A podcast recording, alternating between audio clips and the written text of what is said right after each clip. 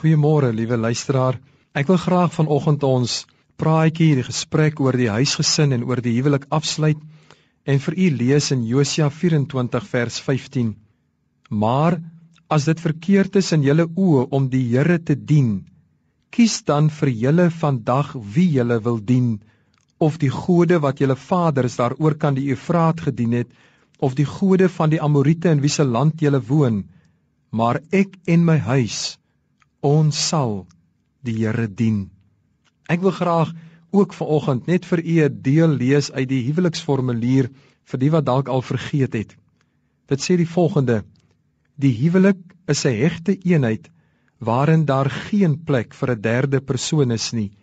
Hierdie eenheid is die diep geheim van 'n gelukkige lewe die grondslag van 'n gesonde gesinslewe en die hoeksteen vir 'n stabiele samelewing.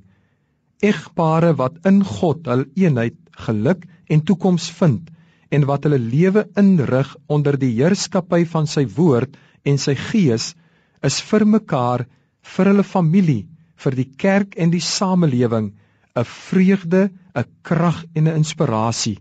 Dit gee ook aan 'n egpaar die vrymoedigheid om vir die Here se leiding op hulle huwelik te bid. Liewe luisteraar, ek wonder of u nie ook vanoggend voor hierdie keuse geplaas word nie. Wie gaan jy dien? Aan wie gaan jy jou huwelik en jou huisgesin oorhandig? Gaan jy keuse maak en ek wil jou aanmoedig om so 'n keuse te maak om vanoggend te sê ek en my huis ons sal die Here dien. Want jy sien As jy nie dit kan sê of selfs wil sê nie, dan gee jy jou huis en jou huwelik oor aan die duiwel om dit te regeer, om daarmee te maak net wat hy wil. En dit bring nooit geluk en vreugde nie.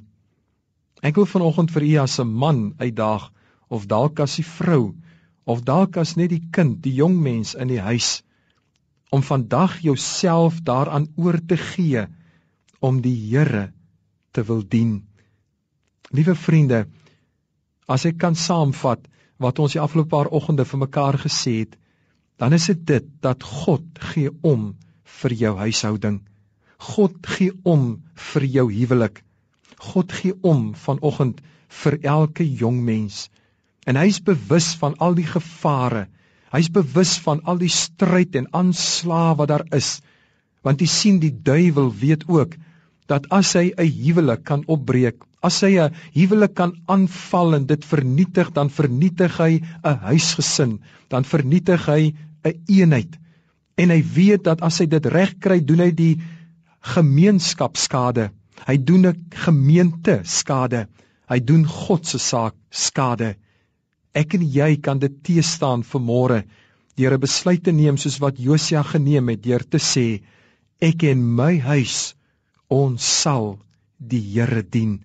Mag die Here u help om daardie besluit te neem.